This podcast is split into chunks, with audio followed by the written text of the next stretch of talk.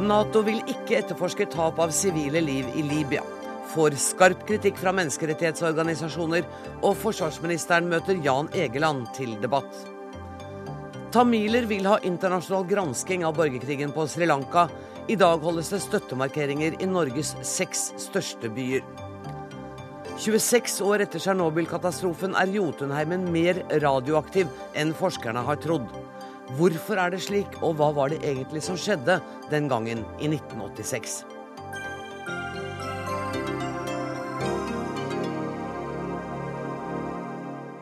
I denne sendinga stiller vi også de helt sentrale spørsmålene. Hvorfor er Ole Gunnar Solskjær i Birmingham? Skriver han kontrakt som trener for Aston Villa? Og vi skal forsøke å gi dere noen svar.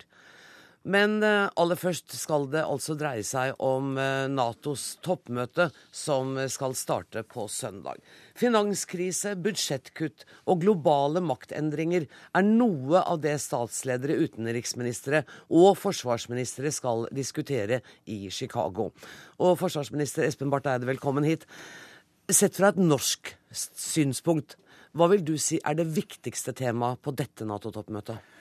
Det er nettopp de eh, spørsmålene som eh, du introduserte med. Det er eh, hvordan Nato skal fungere best mulig etter Afghanistan. I en tid med kraftige geopolitiske endringer, og en tid hvor mange allierte kutter i forsvarsbudsjettene. Det betyr jo både at Nato må forholde seg til en annerledes og på mange måter litt vanskeligere internasjonal virkelighet, og samtidig at man må gjøre det med mindre penger totalt sett. og Det eh, betyr etter vår mening at vi må ha mer Nato, ikke mindre Nato. Mer samarbeid. Eh, vi må virke bedre på tvers av landene, øve mer sammen, utvikle mer systemer sammen, og, og sånn sett få mer forsvar ut av pengene. Du har to stikkord i det du sa som jeg hefta meg ved. Vi tar det første først. Da eh, det siste Nato-toppmøtet var i, i Lisboa, vel, i 2010, ja. da utgjorde vel Afghanistan hovedtyngden av dagsorden. Hva slags plassering har da eh, Afghanistan nå? Det er helt riktig. På både Bucarest i 2008 og Lisboa i 2010 så vil jeg si at Afghanistan var et hovedtema. Eh, på dette møtet er Afghanistan fortsatt viktig, men eh, definitivt ikke et hovedtema. Fordi hovedtemaet er egentlig Nato selv. Artikkel 5, nærområdene, Natos rolle i en ny tid. Og Det er faktisk ganske viktig å, å skjønne den endringen. fordi at de siste jeg tror vi kan si 20 årene så har Nato nesten hele tiden vært engasjert i omfattende operasjoner utenfor området. Først på Balkan, og så selvfølgelig i Afghanistan og noen andre steder. Det har da fått så stort fokus at man på mange måter ikke ikke har lagt så mye vekt på selve forsvarsforpliktelsen. Altså det å, å være forberedt på å beskytte medlemslandenes territorier mot uh, ytre trusler. Som er artikkel 5? Som jo er knyttet til artikkel 5, altså den gjensidige forsvarsgarantien. Ingen av disse operasjonene jeg nevnte nå, har jo hatt sitt utgangspunkt i artikkel 5, men det som man i Nato-språket kaller ikke artikkel 5-operasjoner, altså noe man vedtar i tillegg.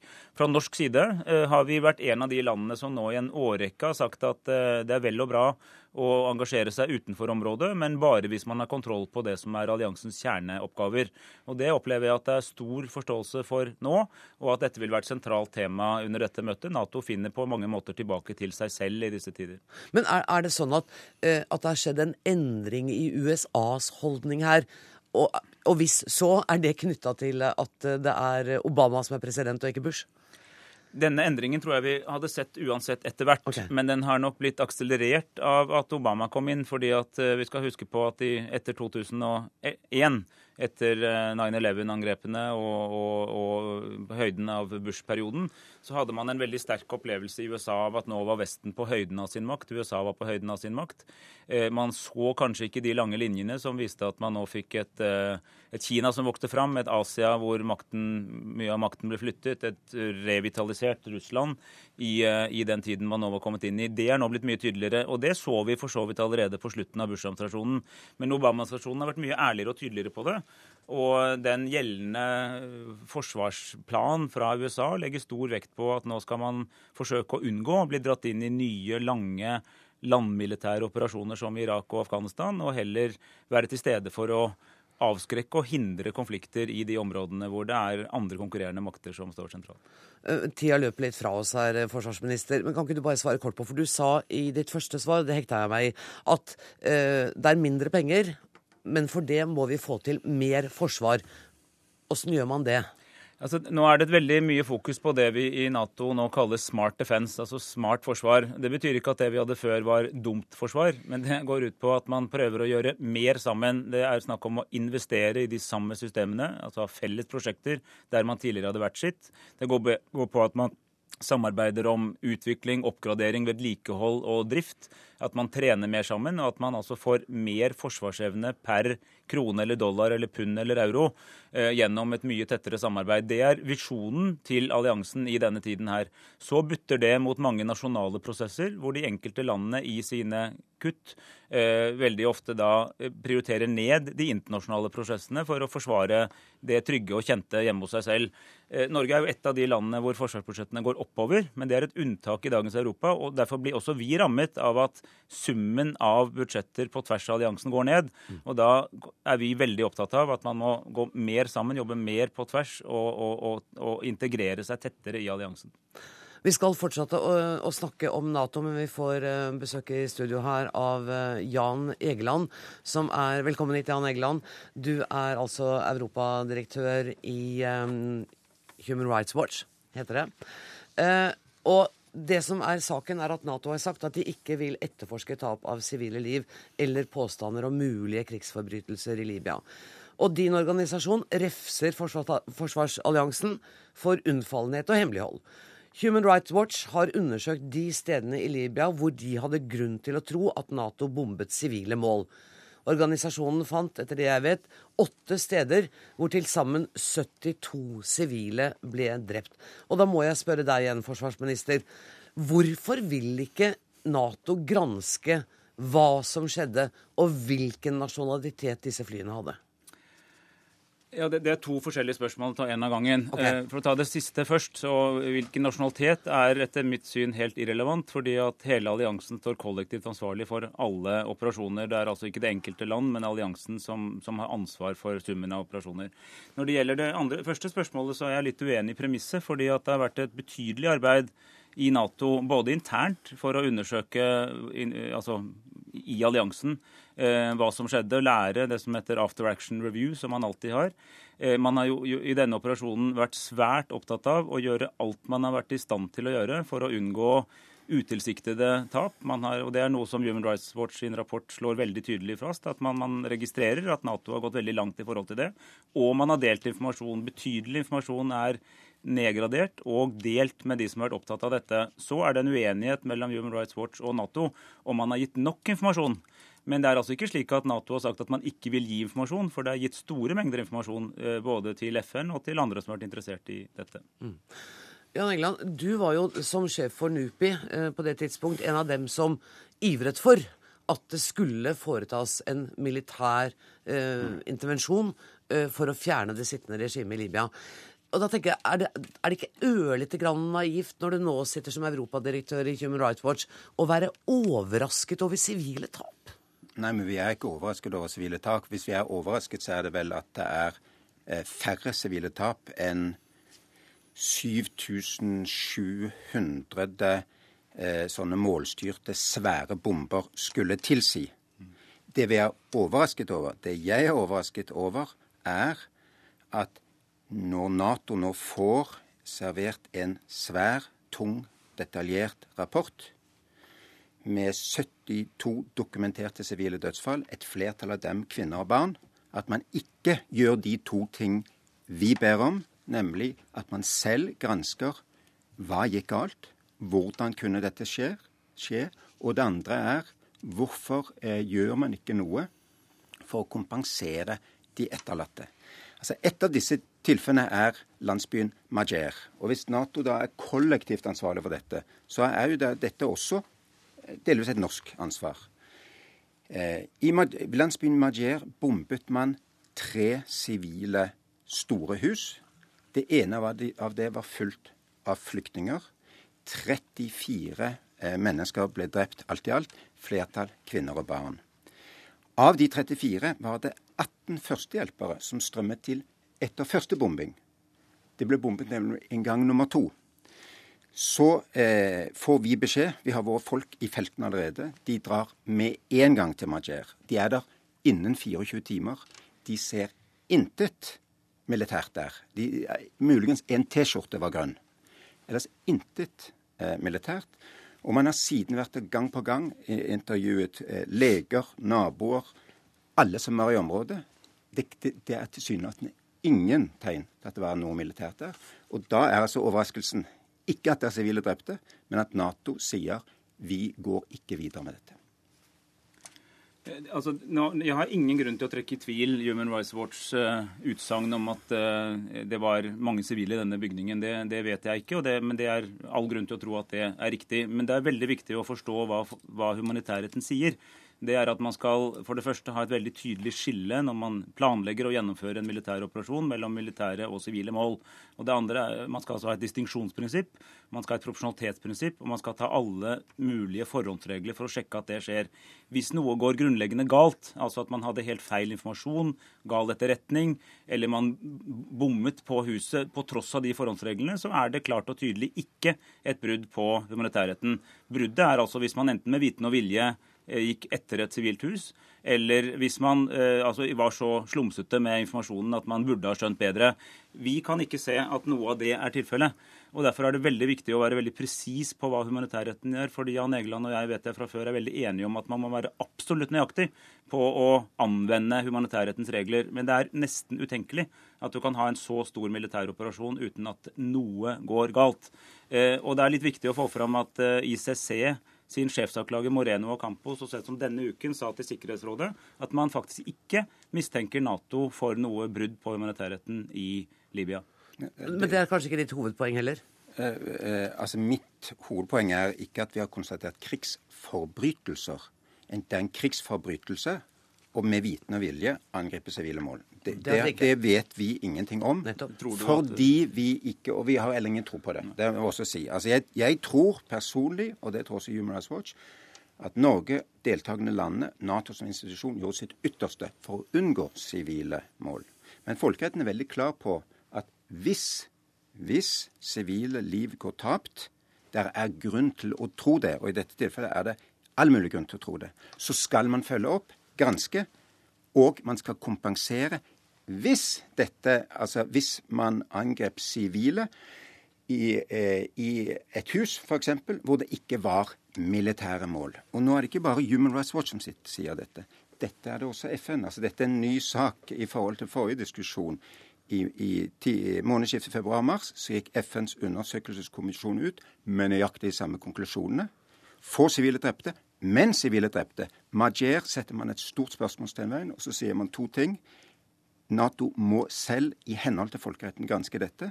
Og man, må, eh, man bør eh, uten eh, opphold kompensere de etterlatte. Men, men, her må, må, vi være, må vi først si at jeg har stor forståelse for at dette er krevende for lytterne. fordi at ethvert sivilt tap er rett for mye. Og det er en tragedie uansett hva som har skjedd. og Ingen av oss må være et øyeblikk i tvil om det.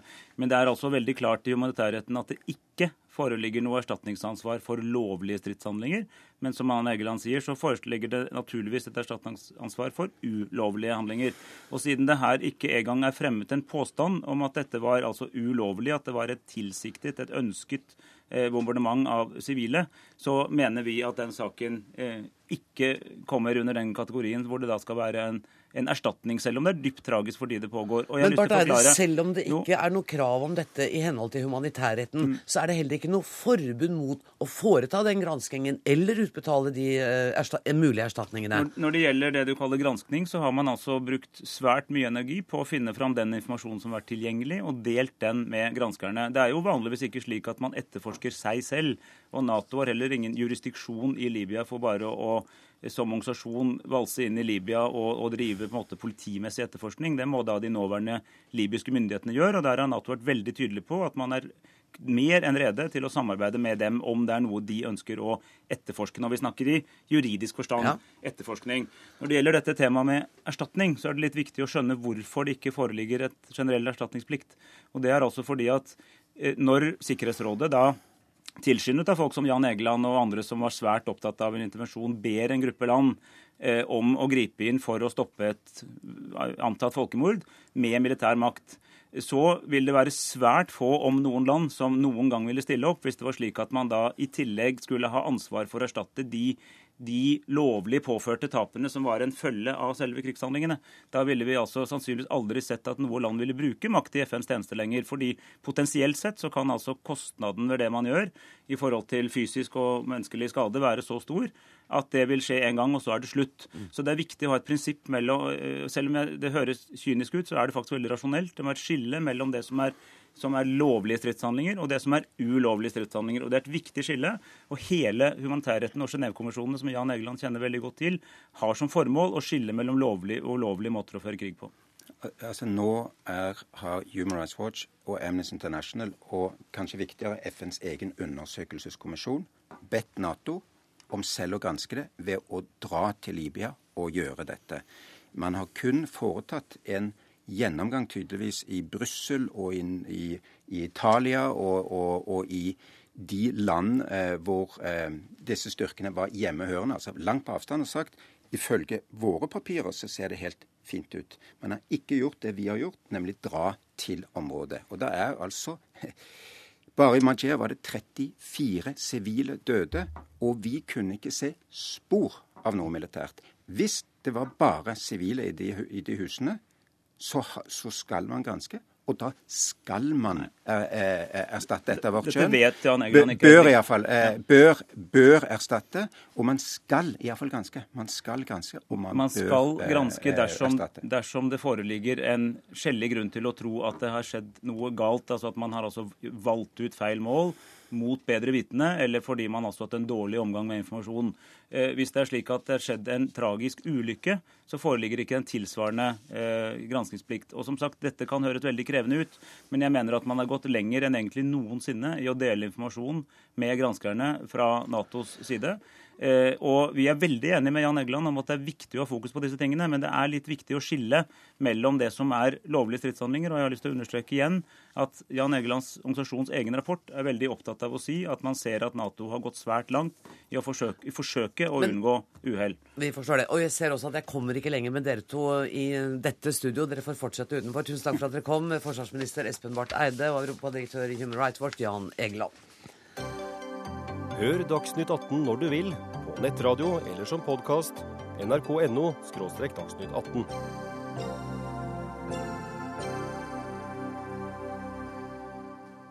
I dag blir det arrangert støttemarkeringer for tamilene på Sri Lanka i seks av Norges største byer. Bakgrunnen er at tamilene vil ha en internasjonal gransking av krigen på Sri Lanka. Og ved markeringen i Bergen er du, Renold Tennisen Christoffer, du er reporter i NRK. Hva er det egentlig som markeres i dag? Her i rådhuset i Bergen er det samlet ca. 300-400 norsktamilere. Unge, eh, voksne og barn. Eh, klokken fem i dag gikk de i tog i sentrum med store plakater, og de la også ned blomster ved den blå steinen. Her i rådhuset har de tent eh, lys for de alle drepte under den siste fasen av krigen på Sri Lanka. Og jeg har med meg Panja Kulesingam Kandeya. og Du er 18. mai-komitémedlem, og du har lenge vært engasjert i denne saken. Hvorfor denne markeringen? Denne markering er for å markere at uh, vi har mistet uh, mange tusen tamil, eller våre medsøstre og brødre i krigen. Og uh, vi kan ikke la dette gå, passere oss forbi i stillheten. Vi må markere dette her. Vi må reise oss sammen. for å, Vi, skal stå sammen for de døde, for at vi skal føre kampen videre, slik at vi kan få en rettferdig løsning. Eh, hvordan har tamilene i Norge opplevd krigen på Sri Lanka? Alle har eh, mistet eh, en eller annen, og mange opptil flere i familiemedlemmer, venner. Personlig har jeg mista i hvert fall 200 stykker som jeg kjenner veldig godt. Og det har påvirket oss på mange måter. Og vi har ligget langt nede nå, og det har gått tre år. Og vi må samle oss og reise oss. Hvor viktig er det å belyse det som skjedde der nede for norske folk? Eh, konflikten er jo på en måte internasjonalisert, og vi må ha alle med oss. Og eh, Vi bor i Norge, og vi er en del av det norske samfunnet. og det er veldig viktig. Alle som er med oss, er en styrke. Slik at vi, må, vi prøver å mobilisere også nordmenn med oss, slik at vi kan oppnå en levelig kår på Sri Lanka. Dere krever altså internasjonal etterforskning av krigsforbrytelser, som dere mener. da. Hvordan organiserer tamilene i Norge for å få dette frem? Eh, vi prøver å utøve politisk press, slik at eh, Norge, som f.eks. sitter i Menneskerettighetsråd, kan utøve sin mandat i MR-rådet. For eksempel. og det andre er at vi har eh, organisert i flere organisasjoner, også internasjonalt, slik at vi kommer til internasjonale foraer og sette, prøver å sette fokus på konflikten. Og I Norge har vi laget flere steder tverrpolitiske grupper slik at vi får gitt informasjon som kan være eh, godt for kampen. Her fortsetter altså markeringen med filmvisning. og uh, Samtlige norske politiske partier er representert, og de skal holde tale for de oppmøtet. Tusen takk skal du ha, reporter Renald Tennesen Kristoffer ved markeringen i Bergen. Øyvind Fuglerud, du er professor i sosialantropologi ved Universitetet i Oslo. Og du var på Sri Lanka senest i februar i år. Hvordan er situasjonen for tamilene nå etter at det ikke lenger er krig? Den er uh, i korthet uh, veldig nedslående. Uh, man kan kanskje si at situasjonen er preget av en samvirkning mellom ulike typer problemer. Altså For det første så er det omfattende sosiale problemer. Det er stor fattigdom i de tamilske områdene. En befolkning som i stor grad er traumatisert etter 30 eh, år med krig, og ikke minst etter den siste veldig brutale fasen av krigen. Eh, menneskerettslig er det problemer. Det er eh, et hardt militærstyre. Til tross for at Sri Lanka er et demokratisk land og myndighetene, altså politiske myndigheter, er valgt Eh, på i og for seg demokratisk måte, så er situasjonen i nord og øst, som da er de tradisjonelle eh, tamilske eh, områdene de er preget av eh, militære representanter i, i, politiske posisjoner. Altså, og da nordøst snakker vi fremdeles om Jafna og rundt Patikaloa? Vi, vi snakker om området fra, for den som er lokalkjent, fra Mannar i nordvest og hele nordområdet og nedover eh, østkysten. Nettopp. Så både i nordprovinsen og østprovinsen, som er de eh, hva skal jeg si, tradisjonelt eh, tamilske eh, provinsene, så er guvernørene tidligere militære. Det er en stor grad av militær tilstedeværelse. Det er en knallhard overvåkning av det sivile samfunnet. Folk fortalte da jeg var der, at, at hvis man altså holdt eh, Hvis man møttes mer enn to ganger i samme hus, så ville militæret komme og banke på døra. Så det er den type overvåkning.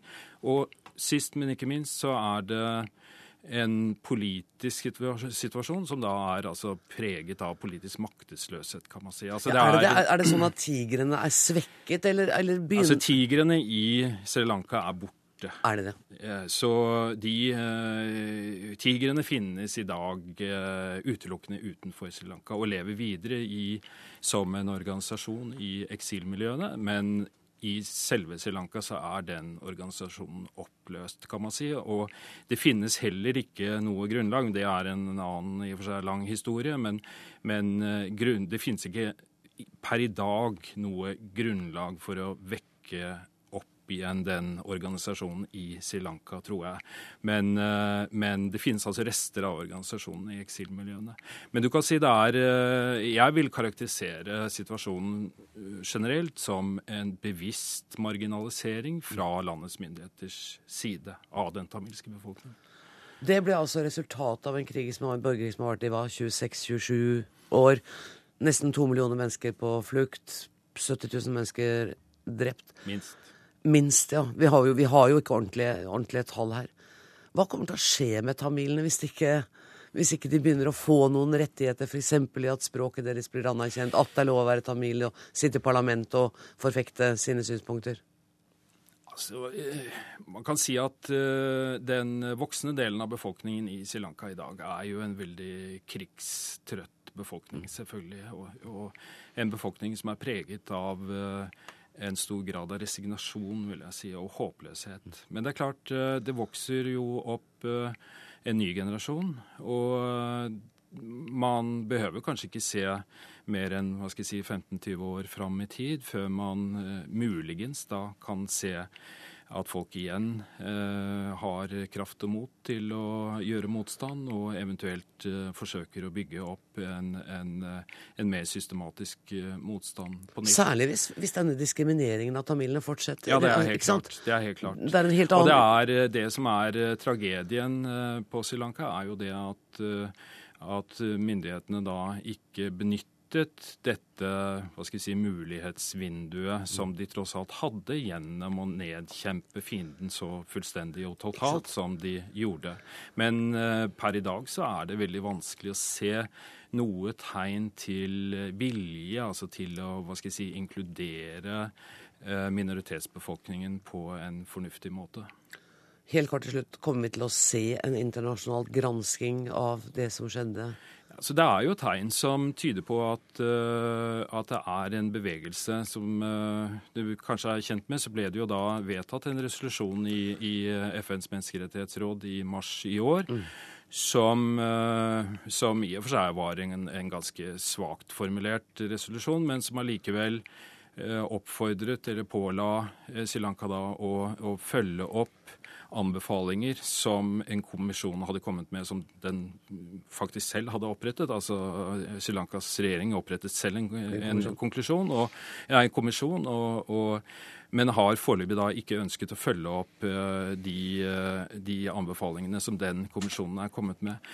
Altså, For å gjøre det kort, jeg tror at uh, dersom Sri Lanka ikke foretar seg noe for å rette seg etter den resolusjonen som ble vedtatt i mars i år i Menneskerettighetsrådet, så vil ikke denne saken forsvinne. Og personlig tror jeg at kan være muligheter på sikt for at det blir iverksatt eh, tiltak fra det internasjonale samfunnet for å finne ut om det er begått krigsforbrytelser i siste fase av krigen eller ikke. I stor grad så er det det uh, spørsmålet dreier seg om, og, og, også da selvfølgelig å finne en, en, en, fornuftig løsning på problematikken i dag. Tusen takk for at du kom i studio, professor Øyvind Fuglerud.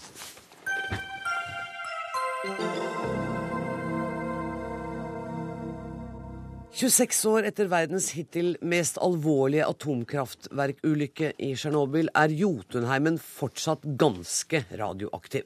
Det kommer fram i en omfattende kartlegging av radioaktiviteten som nå foreligger.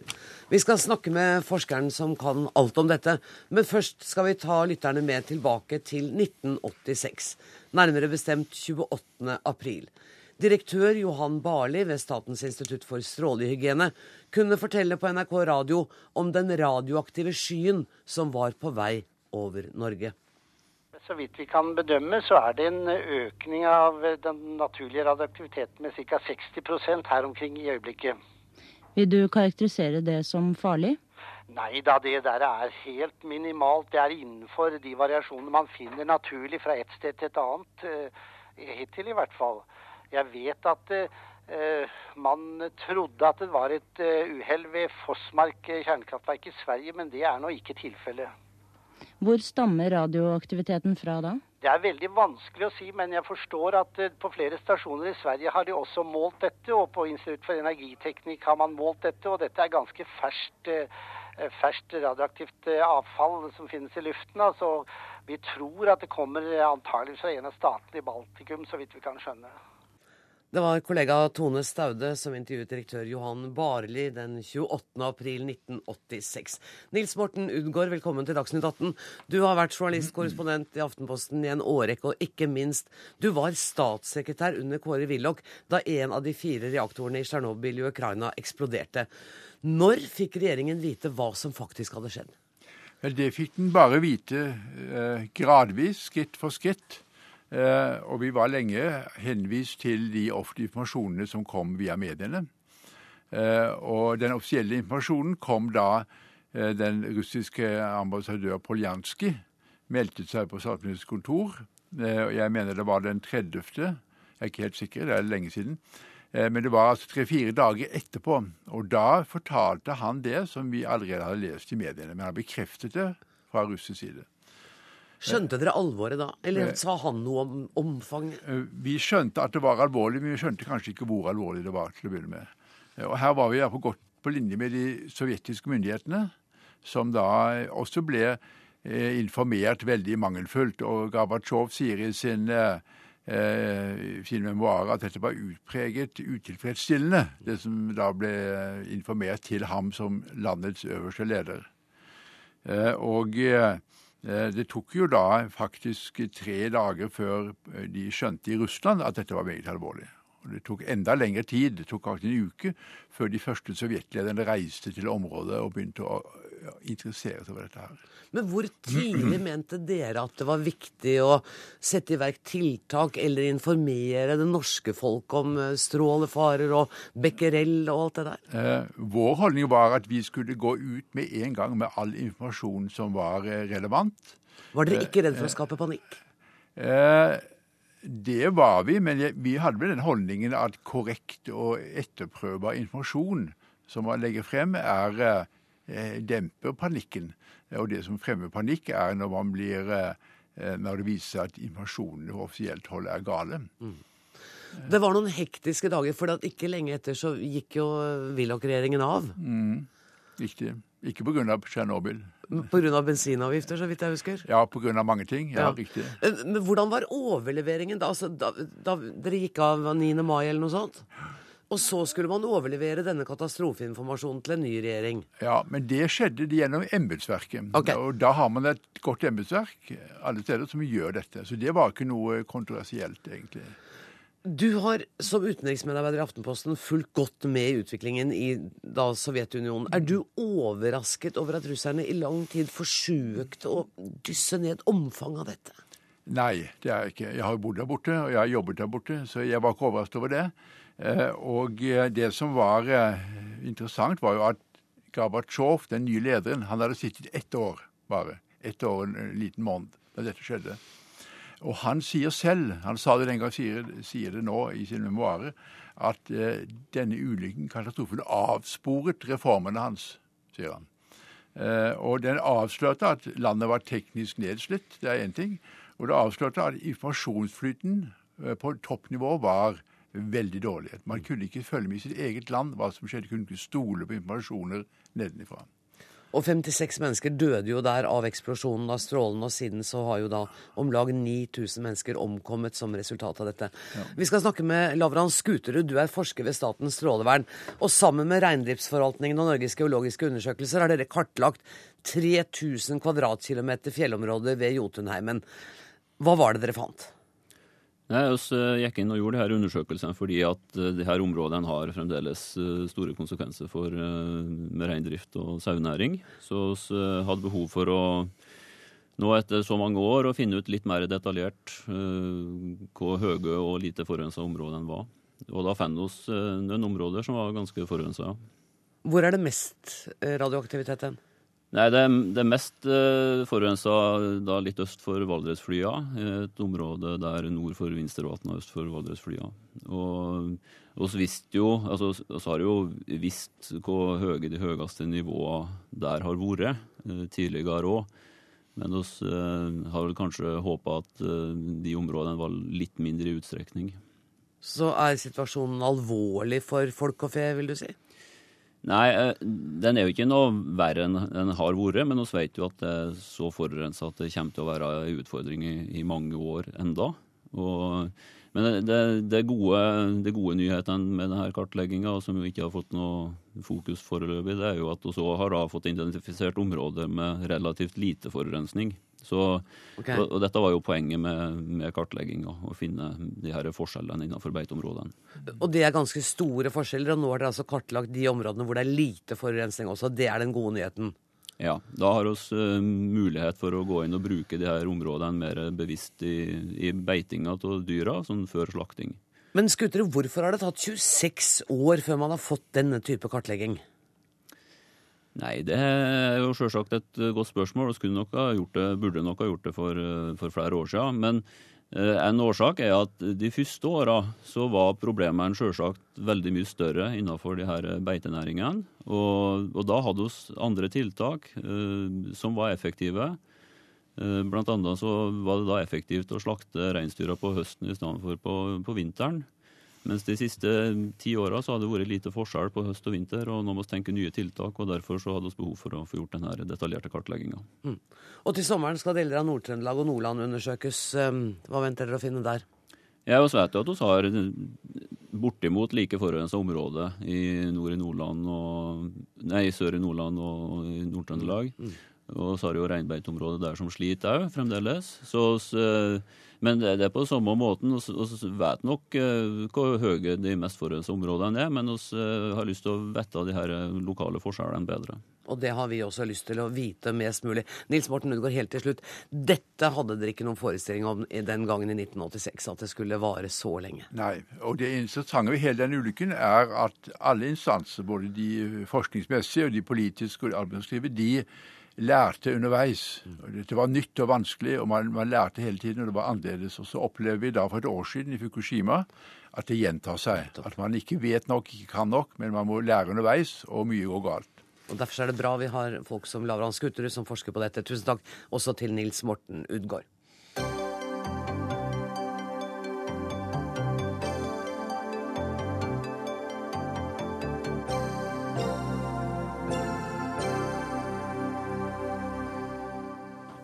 Norge gjør ikke nok for å sikre at norske våpen ikke brukes i konflikter i fattige land. Det mener Kirkens Nødhjelp etter at bl.a. forsvarsministeren har vært i Warszawa for å selge våpen til Polen. Harald Nyeggen Sommer, du er leder for utviklingspolitisk avdeling i Kirkens Nødhjelp. Hvorfor er dere så kritiske til at Norge selger den type teknologi til Polen? Det er ikke først og fremst eh, salget til Polen i seg selv som er problematisk. Det som er problematisk, er at ikke vi sikrer oss en garanti for at Polen ikke selger disse våpnene videre til land som Norge ikke ville solgt våpen til. Har vi noe erfaring for at Polen står, kan komme til å gjøre det? Vi vet at Polen, Polen selger til eh, f.eks. i 2010 solgte Polen til både Israel og Egypt, land som samme år fikk avslag på søknad om eksportlisens fra, fra Norge. Og da må jeg jo spørre deg, da, statssekretær Gry Larsen, hvorfor sørger vi ikke for å få denne type garantier?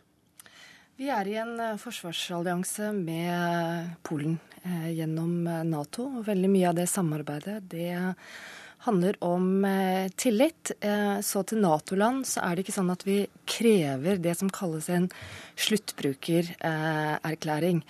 Men det betyr ikke at vi ikke krever noe. Eh, også til Nato-land så er det sånn at vi krever dokumentasjon som godtgjør sluttbruker. Og det er også sånn at eh, Enkelte ganger så får vi også eh, erklæringer med det som da er en sånn reeksportklausul. Eh, så eh, vi har Bare forklar meg. Altså, har, har, Polen gitt disse erklæringene sluttbrukererklæring og reeksporterklæring som dere er fornøyde med? Altså, Vi har eh, ingen grunn til å Nei, men har fått, tro har dere fått disse erklæringene? Altså, det har vært, altså, det har vært salg til Polen eh, Nei, men, lenge. verden.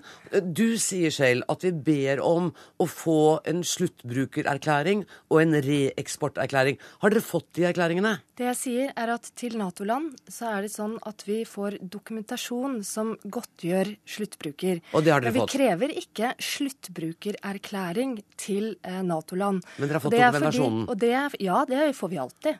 Også til, til Nato-land.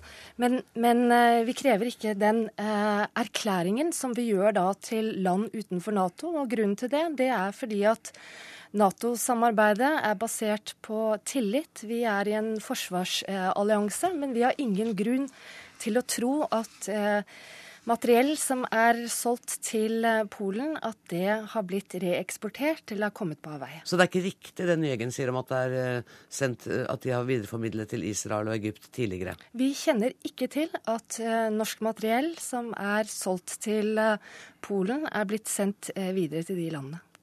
Det er ikke noe å være bekymra for da, Nøyen? Jo, det, det er ikke helt riktig. For selv om det er, det er helt riktig at man ikke har klart å dokumentere at norske våpen er videre solgt, eh, til det så er rett og slett rapporteringen i veldig mange land for dårlig. Det er umulig å gå inn og, og, og kontrollere det. Men vi vet at f.eks. Canada i 2009 solgte grovkalibret eh, ammunisjon og håndvåpen til Libya, til Gaddafi-regimet der. Samme år som Norge solgte A-materiell, altså, altså våpen og ammunisjon, til Canada. Og Da kan man spørre Gry Larsen om han kan, måte, har hun noen garanti for at ikke noen av de våpnene og den ammunisjonen som Norge solgte til Canada, er videresolgt. Eh, for det er jo interessant i dag hvor Gaddafi-regimet har falt, og soldater, godt bevæpna soldater fra hans regime nå strømmer inn i f.eks. Mali eh, og fungerer som bensin på bålet i den konflikten der. Vi eh, kjenner ikke til at det skal ha blitt solgt noe videre heller fra Canada. Og som sagt så er det sånn at i Nato, i den forsvarsalliansen, så er det basert på tillit. Alle vet reglene for norsk eh, eksportkontroll. Hvis det ville vært sånn at et Nato-land ønska eh, å eh, selge noe materiell videre, så ville de ha tatt eh, kontakt eh, med oss. Håper men, dere. Men, det kan hende jo at venner også bryter tillit, da. Jo, men, men eh, jeg tror det viktige spørsmålet her, det er hvordan vi kan sørge for å få bedre kontroll internasjonalt knytta til Eh, kjøp og salg eh, av eh, forsvarsmateriell. Vi sier i Soria Moria-erklæringen at vi ønsker å innføre sluttbrukererklæring fra alle land, og jobbe for at det blir en norm i Nato. Derfor så har vi tatt dette spørsmålet opp med andre Nato-land. Vi jobber nå i Nato for å se om det er mulig å få på plass en sånn norm. I tillegg eh, så forhandles det nå fram en internasjonal våpenhandelsavtale. Der er spørsmålet om sluttbrukererklæring også oppe, og vi kjemper i de forhandlingene for at dette skal være et system eh, som da skal gjelde eh, internasjonalt. Med andre ord også i Nato. Jeg hadde nettopp forsvarsministeren i studio og spurte ham hva som var det viktigste eh, spørsmålet som skulle opp på Natos toppmøte nå i Chicago. Dette var ikke et av de punktene han nevnte, så det står vel litt ned på dagslista da, kanskje? Dette står ikke på sakslista Nei, på toppmøtet eh, i Nato. Men det betyr jo Du sa vi kjemper for det på alle fronter for jo, å få dette til? Jo, men vi snakker med Nato-land, eh, og dette er interne prosesser også i Nato. Det er jo ikke sånn at alle de tingene tingene som diskuteres i Nato, nødvendigvis skal opp på toppmøtet til eh, Nato. Men vårt mål det er å innføre sluttbrukererklæring fra alle land. Og da er du fornøyd, Negen? Det er veldig bra at det er et mål, men da må man gjøre det. Altså, USA, du sier at, at Nato og, og samarbeid der er bygd på tillit. USA har tydeligvis ikke den samme tilliten til sine Nato-allierte, for de har allerede innført en sånn sluttbrukererklæring fra alle land. Eh, og da lurer jeg på Hvorfor kan ikke Norge bare følge det eksempelet og, og, gjøre det? For det er ikke sånn at bevisbyrden for at ikke våpen, norskprodusert våpen og ammunisjon skal havne på avveie, skal ligge på oss. Det må jo regjeringen selv ta ansvar for. Vel, grunnen til at vi ikke gjør det, det er fordi at vi er opptatt av at dette skal være et internasjonalt system. Vi er opptatt av å sørge for at dette skal bli en norm i eh, hele eh, Nato. Og det er det som står i Soria Moria, og det er det eh, vi jobber for. Men hvis det er riktig som han sier at USA allerede har innført det? Eh, USA eh, har det i en del av eh, avtalene sine. Det vi er opptatt av, er å få på plass et internasjonalt system som gjør at alle land, uavhengig av om du er Nato-land eller eh, andre land, har et system hvor man krever eh, sluttbrukererklæring. Og det er det vi jobber for eh, internasjonalt. Lenger enn dette kom ikke i denne debatten i Dagsnytt 18. Jeg regner med at vi kommer tilbake til dette spørsmålet ved senere anledninger. Tusen takk til Harald Nyegen Sommer fra eh, Kirkens Nødhjelp og til statssekretær Gry Larsen i Utenriksdepartementet.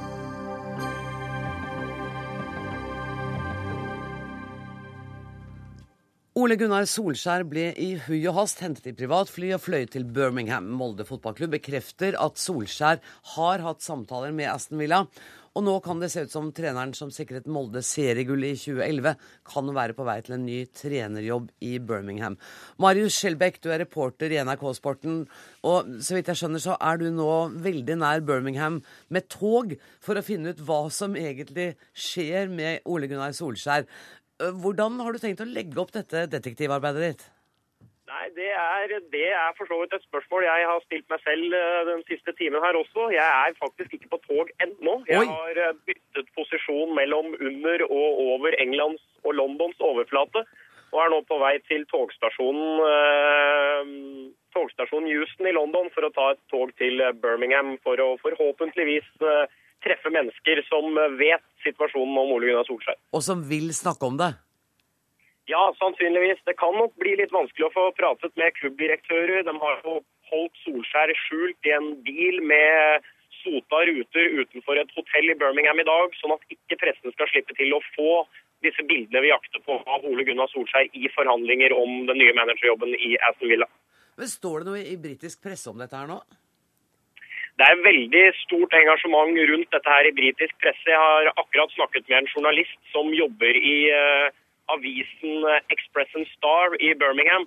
Og Han uh, sier til meg at han har jobbet både opp og ned, og han har snudd hodet sitt rundt, og livet hans har vært vilt det siste døgnet for å, for å snakke om Solskjær, for han er ekstremt populær fortsatt her i England. Du får hva var det han sa, snu hodet opp og ned. Det får du også gjøre de neste døgnene, og så får vi høre mer til deg. Tusen takk skal du ha, Marius eh, Skjelbæk. Øyvind Alsaker, du er fotballkommentator i TV 2. Velkommen hit.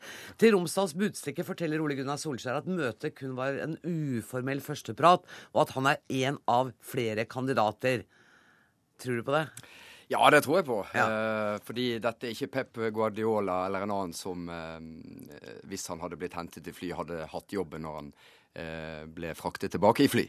Eh, så her er det nok eh, to parter som har behov for å snakke sammen, tror jeg. Jeg tror ikke det bare eier Randy Lerner som vil vite hva Solskjær står for, men jeg tror like mye at Ole Gunnar Solskjær er veldig spent på å høre hva eh, Lerner har å si. Og så så jeg Solskjær fortelle at dette gjorde han jo også for å vise respekt for en av de store klubbene i England. Altså når du får en, eh, et spørsmål om å bli med for å ta en uformell prat, så gjør du det litt av respekt for klubben, rett og slett. Eh, det tror jeg er smart, uansett om dette blir noe av eller ei.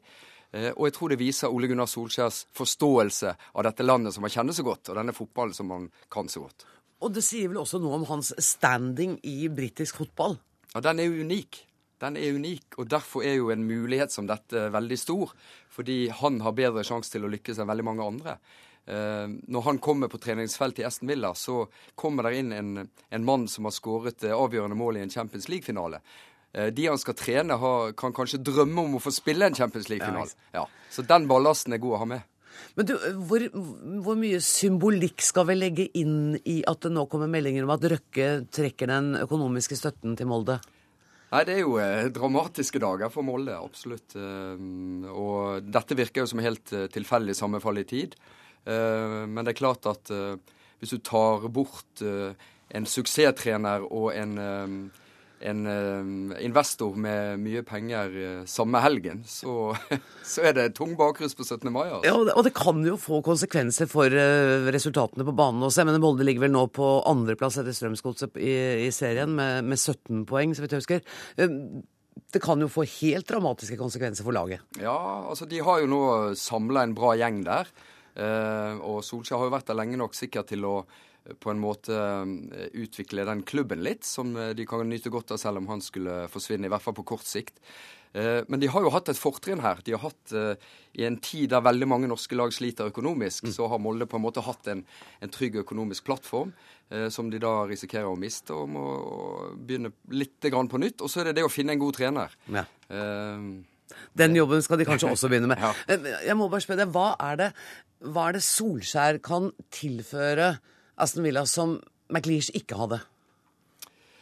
Eh, morsommere fotball. Flere seire. De vant bare 7 av 38 kamper denne sesongen. Eh, så det var jo forferdelig. Og de spilte en fotball som, som, fansen mislikte på det sterkeste. Ole Gunnar har jo kommet til Norge med litt sånn schwung og vil eh, underholde og spille det er litt denne Manchester United-selvtilliten som ligger der. Selv med et uh, mannskap som ikke er på samme nivå, så ønsker han på en måte å, å spille litt den fotballen. Så det, er i hvert fall uh, spillemessig, tror jeg han har mye å tilføre.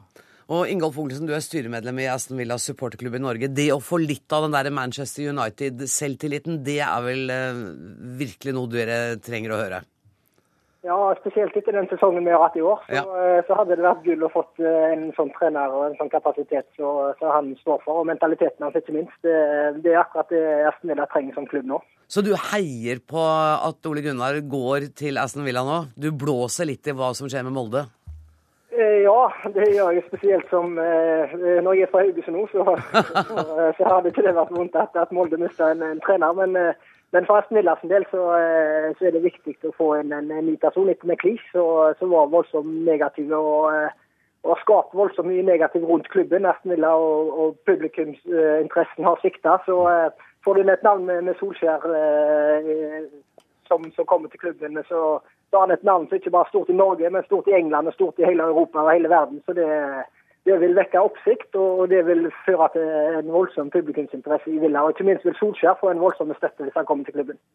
Altså når vil vi få vite eller sitter du og vet noe jeg ikke vet? Nei, nei, nei, jeg vet ingenting. Nei, dette kan gå fort, og det kan ta litt tid. Eh, og jeg er veldig spent på hva som kommer ut av disse samtalene. For det er klart at uh, de hadde en manager med ganske stor suksess inntil ganske nylig. De hadde tre sjetteplasser på rad. Martin O'Neill var der. En trener som er, som er, veldig respektert i England, som bare valgte å forlate klubben mm. fire dager før ligastart for halvannet år siden. Eh, det gikk jo på eh, uenighet om veien videre. Han ville ha mer penger, større ressurser til å ta de enda et eh, steg opp. Fikk tydeligvis ikke det. Og det er klart at Ole Gunnar Solskjær kan jo ikke ta denne jobben, som kommer veldig tidlig i hans managerkarriere, uten forsikringer om at uh, her blir det stilt midler til rådighet. Uh, og, ja, og avhengig av hvor den saken står, så tror jeg dette kan gå fort. Uh, og også avhengig av hvor mange andre og hvilke andre han eventuelt har lyst til å ha en prat med. Hvis du skulle tippe på utfallet her? Han kom jo hjem Ole Gunnar, og sa at dette var kun en uformell prat og ingen forhandlinger. Men altså ingenting om at det var uaktuelt. Nei. Uh, nei, jeg må gi den 50-50, fordi okay. uh, den kommer som sagt veldig tidlig for Ole Gunnar Solskjær. Men får han det som han vil, så er det en unik mulighet, altså. Mm. Så jeg heier litt på Solskjær, jeg òg. Vi hadde hatt godt av dette. Litt feigt med 50-50, men jeg skal godta det, Alsaker. Tusen takk for at du kom til uh, Dagsnytt 18, sportskommentator i TV 2.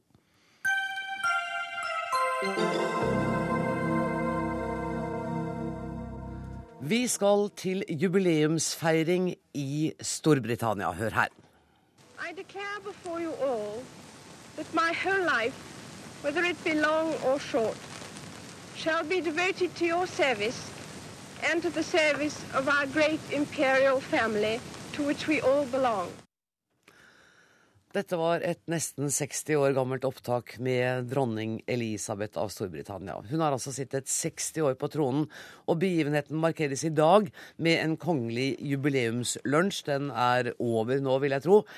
Men ikke alt er fest og moro, for dronningen kritiseres for en kontroversiell gjesteliste til arrangementet. London-korrespondent Gry Blekastad Almås, du er på vei til Buckingham Palace, hvor det skal være en stor kongelig middag i kveld. Hvilke navn er det som ikke burde stått på gjestelisten til lunsjen i dag?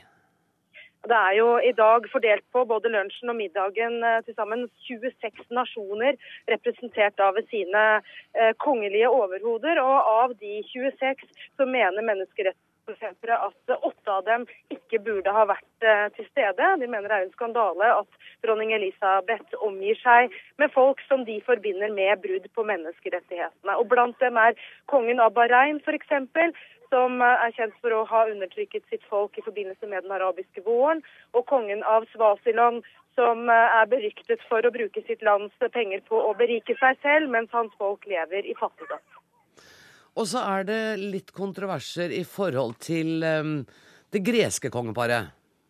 Ja, eller, eller, det spanske. Jeg tror det er det, det spanske, du på. Fordi ja. eh, I går kom det ganske overraskende at Dronning Sofia avlyste eh, sin tilstedeværelse. og Det gjorde hun på bakgrunn av konflikten som er mellom Spania og Storbritannia om Gibraltar, dette britiske territoriet helt eh, på sydspissen av Spania, som spanjolene hevder å Eh, og, og, ville ha råderetten over, men som altså er et britisk territorium. Mm. Uh, og det uh, kommer da som, altså kongen, Spanskekongen skulle ikke ha kommet uansett, for han har skadet seg i forbindelse med en elefantjakt, som mange sikkert har fått med seg. Så han hadde meldt avbud i utgangspunktet. Men i går kom altså også dronning Sofias avbud. Mm. Hun er ikke til stede her i dag. Og når jeg surrer med det greske kongeparet, så er det fordi at eksilkong Konstantin og hans uh, dronning de er ikke invitert, og det er vel fordi de ikke er, han ikke er regjerende monark?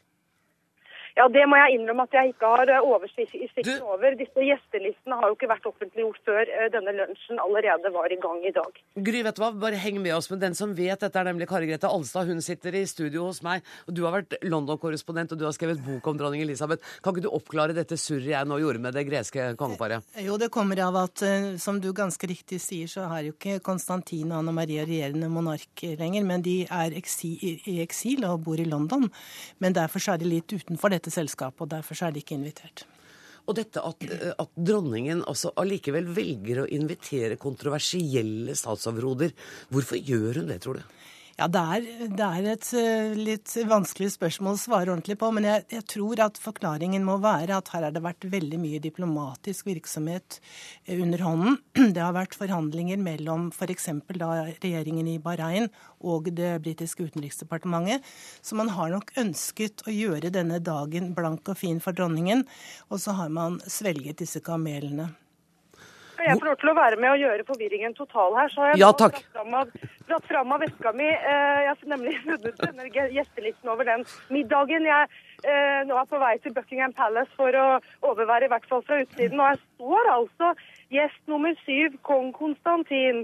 Og gjest nummer åtte, dronning Anne Marie. Så de er i hvert fall eh, invitert til denne middagen som det er eh, prins Charles som, eh, som, står for. Akkurat. Og da er vi sikkert inne på litt sånn vanskelig kongelig etikette. For da var de sannsynligvis ikke invitert til lunsjen hvor det var dronningen som var vertinne. Men nå når det er Charles, så kan man være litt løsere i snippen. Det er min litt sånn eh, norske tolkning av dette. Er du enig, Gry?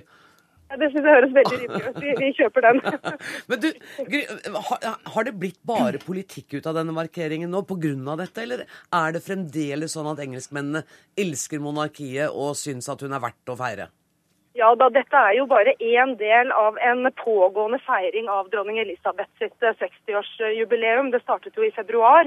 Eh, og dronningen og hennes familiemedlemmer har jo eh, reist mye rundt både i dette landet og rundt i verden for å nærmest da la seg hylle i den anledningen. I Windsor i dag, som jo er dronningens hjemby, så var det stor folkefest også i anledning av at alle disse kongelige gjestene skulle komme. Og det hele toppes jo første helgen i juni. Da skal det være en enorm folkefest over hele Storbritannia, og særlig i, i London. Og, og, da skal også den seremonielle delen av 60-årsjubileet feires. Kari Grete Alstad, hva slags monark er det vi ser her? Hun er en eh, monark som har vært veldig pliktoppfyllende, og som eh, nok nå er populær. Hun har ikke alltid vært like populær, men hun har, hun har stått ved roret i alle disse årene. Og det er kun dronning Victoria som har sittet lenger på tronen enn henne. Så jeg tror vi må si at hun er, hun er den mest populære i kongefamilien. Eh, fordi hun er en gammel dame, men det står veldig respekt av henne nå. Og hun har fortsatt arbeidskapasitet, eller er det litt sånn um, et inntrykk man får fordi at man tar bilde av henne hver gang hun viser offentlig? Ja, hun har nok fordelt en del flere oppgaver på de andre medlemmene av kongefamilien. De er jo mange. Men, eh, men hun åpner sykehus, og hun, eh, hun er omkring, så hun har nok sitt program hver eneste dag, så vidt jeg har forstått. Har hun vært en sterk monark i forhold til de statsministrene hun har møtt gjennom disse årene? Ja, jeg tror det. Hun har jo ikke noe makt selv, men hun har allikevel fulgt nøye med. Hun, hun har hatt sterke meninger eh, og hatt masse spørsmål, så vidt jeg har forstått, på disse tirsdagsmøtene som hun har hver uke. Eh, så, så, hun har nok markert seg ganske, ganske kraftig. Og snakk om abdikasjon vil hun ikke høre? Nei, og det, det hører heller ikke hjemme i den britiske konstitusjonen. Så det er, med det ene unntaket av Edvard 8., så er ikke det egentlig aktuelt i Storbritannia i det hele tatt. Og det sa hun jo i denne åpningsbiten vi hørte også, ja. at hun ville regjere så lenge hun levde, om livet skulle bli langt eller kort. Mm. Og det har altså blitt langt. Gry Blekkas Almas, du sier at du skal uh, bivåne denne middagen, men det er uh, Bare for å understreke det at du får ikke være til stede inne. Nei, dessverre så er jeg ikke invitert inn, men jeg skal få lov til å stå på utsiden. Jeg har kommet fram til eh, forsiden av Buckingham Palace nå, og her er det stor byggevirksomhet, faktisk. De setter opp tribuner. Og vet du hva jeg er nødt til? Foran, bare for å si at det skal være med på den store festen i juni. Jeg skal holde en stor konsert her. Og dermed setter vi strek for nok en utgave av Dagsnytt 18. Ansvarlig for sendinga var Ida Tune Øritsland. Det tekniske ansvaret har Karl Johan Rimstad. Jeg heter Anne Grosvold. Vi høres på mandag. Takk for nå.